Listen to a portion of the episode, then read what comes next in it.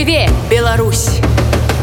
Вяртаемся на беларускую хвалю радыё унет у студыі по-ранейшаму для вас працуюць роман жданович і гукарэжысёр франах жыла нагадаю что слухаць нас можна праз інтэрнет на стронцы унет фм а таксама мы доступны у fm дыапазоне у варшаве беластоку кракаве ў рославе шчэціне таксама на літоўскай радыёстанцыі з надвіллем экс-капітан зборнай беларусі по баскетболу кацярына сныціна стала адным з сімвалаў беларускага пратэсту яна адзіная са зборнай публічна выказалася супраць гвалту і фальсіфікацыі а таксама сышла з каманды ў знак пратэсту яна не ўяўляе як можна было паступіць інакш і верыць у перамогу сныціна паспяхова выступае за турэцкі клуб і не спыняем грамадскі актывізм бескампрамісная і справядлівая кацярына сныціна у праграме неверагодная неверагодныя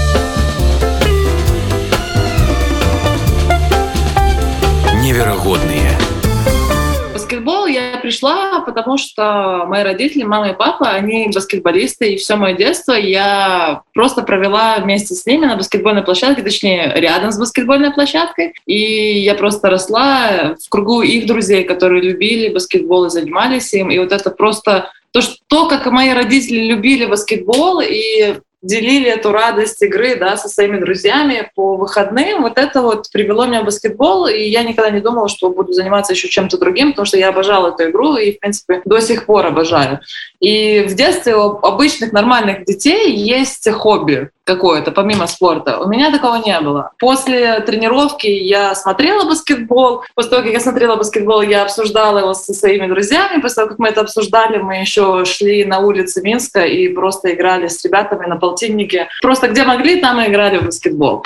Это вот было моя такая детство мое детство, да. И в 17 лет, когда я закончила школу, я, я, я росла с осознанием того, что я не хочу играть в Беларуси, потому что я понимала, что уровень белорусского баскетбола, он очень низкий, и я всегда что я уеду играть в какие-то другие профессиональные клубы и в другие страны. Так, в принципе, получилось. В 17 лет я подписала свой первый контракт во Франции, и поехал, вот началось мое такой трип нон-стоп а, с Франции, потом было очень много лет в России я играла, я играла в Польше, в Венгрии, и вот 9 лет, вот эти заключительные 9 лет я уже играю в Турции, мне нравится а сам уровень чемпионата, мне нравится просто находиться в этой стране, и, в принципе, такие условия, все совпало для того, чтобы я здесь играла и продолжала свою баскетбольную карьеру. Конечно, в каждой стране это происходит по-разному, но, в принципе, я такой спокойный, неконфликтный человек. У меня есть такое, знаете, такой мандраж легкий, когда ты едешь в команду, когда ты никого не знаешь, тебе интересно и страшно одновременно. И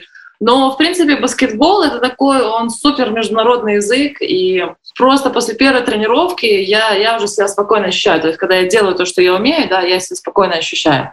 И у меня никогда не возникало проблемы именно с девчонками, с тренерами, да, найти какой-то общий язык э, в общении. Конечно, были разные ситуации. У меня очень все завязано на том, как, э, если вы меня спросите, как мне было в этой стране, я вам, скорее всего, не буду рассказывать какие-то туристические штуки, я вам скажу, мне здесь было хорошо или плохо, в зависимости от того, насколько успешен или не успешен был мой сезон. То есть у меня зависит, у меня все завязано на баскетболе. Если я классно играла, у меня все получалось в этой команде. На вопрос, как тебе эта команда, я говорю, блин, супер вообще. А если у меня вообще ничего не получалось, у меня были какие-то ссоры с тренерами там, и так далее, то я скажу, ну так себе команда. Или страна даже. Допустим, вот Венгрия мне вообще не зашла.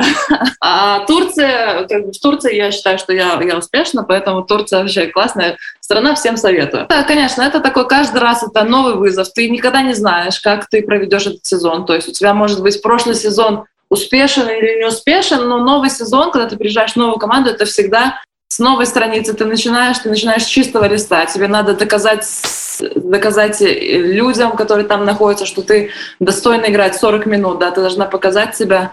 Вот. И, в принципе, то, что мне, что мне нравится, то, что в любом случае все это зависит только от меня. В юности, да, когда до какого-то определенного момента в своей жизни, я очень много там и ссорилась с тренером там по поводу чего-то и так далее. Но в итоге я поняла, что все, что бы со мной не произошло, не происходило, не будет происходить, это зависит только от того, как я смотрю на эту ситуацию, только от того, что лично я делаю, да, то есть из любой ситуации я могу сама себя вытащить. Вот. И после осознания этого мне очень так стало проще играть, быть успешной, потому что я перестала сопротивляться, да, а, а я стала именно показывать свою лучшую игру, зная, что вот я сделаю максимум из того, что я сделаю, а потом уже будет, что будет. То есть я перестала сама себя очень сильно нагнетать в голове. То есть у меня раньше было, так, а что, так, а если я тут симпровизирую, меня там на скамейку посадят. Я думаю, это отголоски моего белорусского детства с тренерами, да. Это было нелегко, нелегко самой себе дать э, право ошибаться. Но я, в принципе, я очень, там, я прочитала очень много книг, там, какие-то я семинары посещала, и после этого я поняла, что ошибаться — это нормально, я классный игрок, я в себя поверила, и действительно после этого меня моя карьера как бы стала намного приятнее мне, потому что был такой момент, когда я уже не, не наслаждалась баскетболом. Это была моя работа, это было в какой-то степени мучение, потому что у меня ничего не получалось, э, я плохо играла, я мало играла. И когда, в принципе, в своей голове, да, в своем сердце я поняла, что, смотрите, все нормально, ты классная, а, иди играй, иди наслаждайся. Это, может быть, звучит очень так легко, но это тяжело, это тяжелая работа в твоем собственном сознании. Вот. И после этого, в принципе, все получается. Даже если, понимаете, даже если у меня ничего не получается сейчас, я все равно думаю, ну получится же, ты же классная, но в итоге же получится.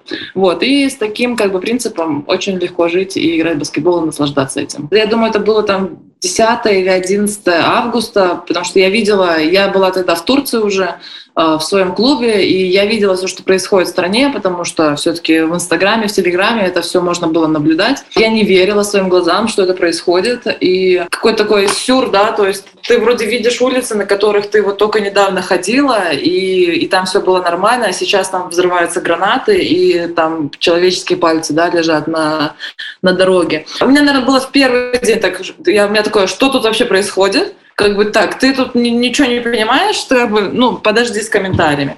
Но уже на следующий день я поняла, что молчать я просто не могу, потому что у меня очень часто в голове всплывает картина, когда мы играли в Минске, мы всегда практически играем во дворце спорта, и приходят наши болельщики, то есть это приходят люди, которые много-много лет за нас болели. И вот у меня такая картина в голове всплывала, что вот эти люди, которые за нас болели, они сейчас там, и они страдают. И как я могу молчать, если они столько лет меня поддерживают? И там на, на, на второй, на третий день я высказалась, ну там минимально, да, Э, ну, типа, остановите насилие, что-то в этом роде. Когда я публиковала этот свой первый пост, который, в принципе, был ни о чем, там просто была эта девушка нарисованная, как белоруска, да, которая там плачет завязанным ртом, это было вроде бы ни о чем, но у тебя в голове подсознание сидит, что, смотрите, могут быть последствия даже вот этого вот высказывания.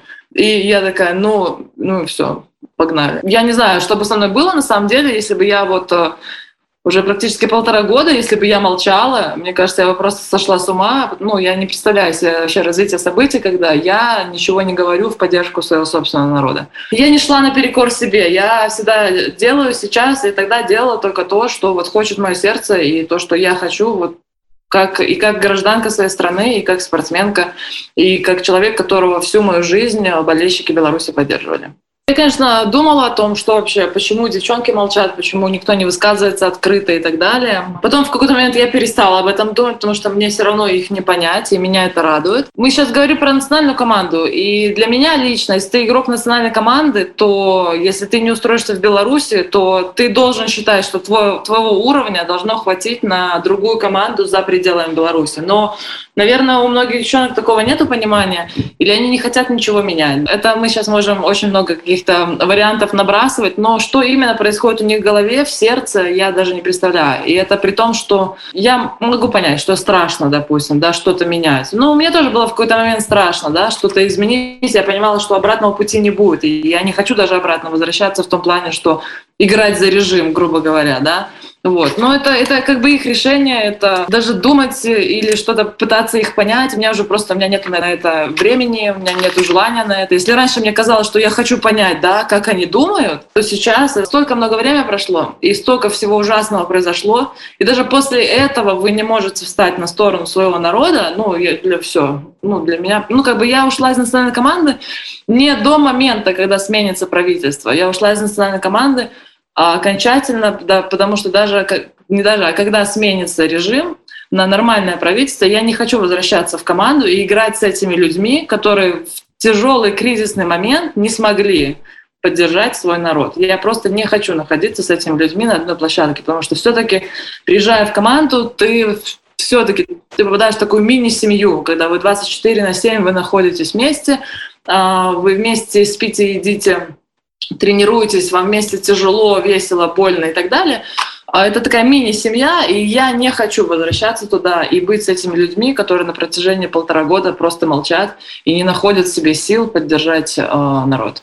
У нас огромное, как оказалось, может быть, я просто этого раньше не замечала, может, никогда не акцентировала это внимание. Я понимаю, что так было многие годы, но у нас огромное количество креативных людей, огромное количество людей, которые хотят сделать что-то хорошее, прекрасное для своей собственной страны. Даже глядя на список НГО, который режим закрыл, да, я вижу, насколько люди были, есть и будут отзывчивые, а, которые пытаются помочь друг другу, которые делают это разными способами, да, а, то есть мне, мне повезло, я очень много общалась с иллюстраторами протестными и так далее. Я просто смотрю, как они работают, как у них идеи какие-то возникают. Да. Вот просто я увидела масштаб крутости белорусов.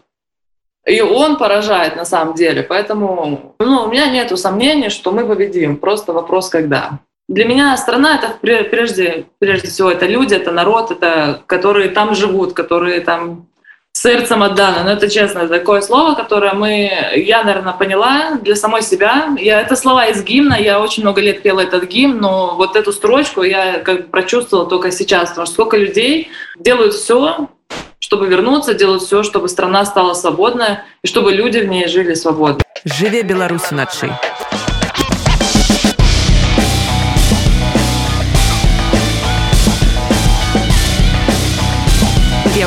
jest.